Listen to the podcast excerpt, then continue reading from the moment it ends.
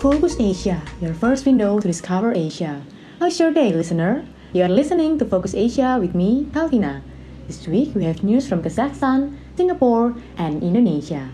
The first news will be from Kazakhstan. The Indonesian Embassy in Astana organized a batik collaboration workshop in the Indonesian Cultural Center in Astana on the 29th of October 2023.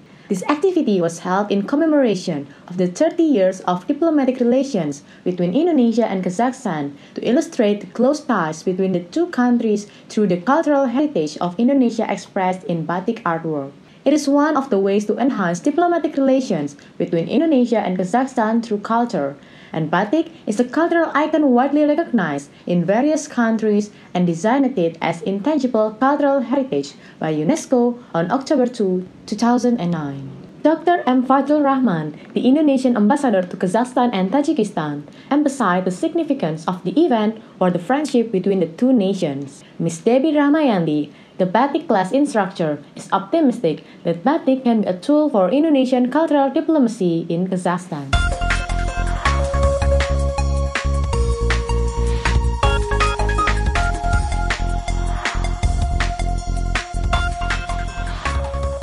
The next news comes from Singapore and Malaysia. Singapore and Malaysia have agreed to strengthen cooperation on renewable energy, the Singapore Prime Minister Lee Hsien Loong. Both Prime Minister met in Singapore today for the 10th Singapore Malaysia Leaders Retreat, the first since the COVID 19 pandemic. According to a joint statement issued at the end of the retreat, the leaders affirmed the commitment to collaborate on renewable energy co-development and cross-border electricity trading. In this regard, the leaders noted the ongoing discussion for Singapore to import renewable energy from Sarawak, and the Malaysian government will give its assistance in accelerating the process. Malaysia also has committed to supplying renewable energy to Singapore, especially considering Singapore's increased investment in Malaysia including the establishment of data center. The leader acknowledged the recently signed Memorandum of Understanding between Singapore Power and Tenaga Nasional PHD to explore the technical feasibility of a second interconnector.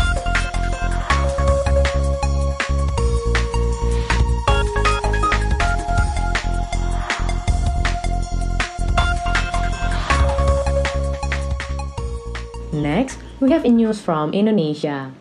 The new research on slugs has found two types of mangrove forests in the Indo-West Pacific region, highlighting their much-needed protection against deforestation and rising sea levels. The study identified two distinct mangrove habitat types in the Indo-West Pacific region, fringe mangrove in the Coral Triangle and riverine mangroves in the Strait of Malacca. The research focused on slug species, to understand patterns of species diversity and their adaptation to mangroves. The Indo-West Pacific has the highest diversity of mangrove plants globally, but it was unclear which part of the region had peak diversity. The research found that mangrove forests in different parts of archipelagic region differ in various characteristics. Efforts to promote sustainable use of mangrove, such as aquaculture methods that do not clear-cut mangrove forests, should be developed to balance resource extraction by local communities and minimize damage to natural ecosystem.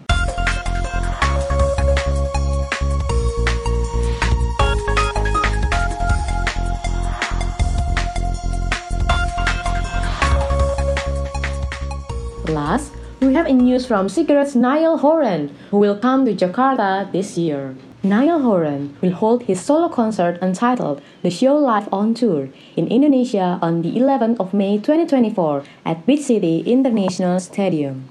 The ticket category closest to the stage is Festival 1, followed by Festival 2, which is behind it. The following is a breakdown of Niall Horan concert ticket prices based on their position on stage. Festival 1, 2 million rupiah. Festival 2, 1.8 million rupiah. Cat 1, 1.6 million rupiah. Cat 2 1.4 million rupiah and Cat 3 1.2 million rupiah. For the record, the ticket price does not include the 15% tax fee and 5% admin fee. All ticket sales can only be accessed through the official Niall Horan concert page in Jakarta, niallhoranjakarta.com. Before greeting fans in Indonesia, Niall Horan will visit Singapore on the 9th of May 2024 after holding a concert in Indonesia, he will continue his tour to Manila, the Philippines, Tokyo, and Japan. The news from Niall Horan closes this week's episode. Don't forget to always listen to Focus Asia every week to update your knowledge about what happens in Asia. I'm Talvina. See you on the next episode of Focus Asia, your first window to discover Asia.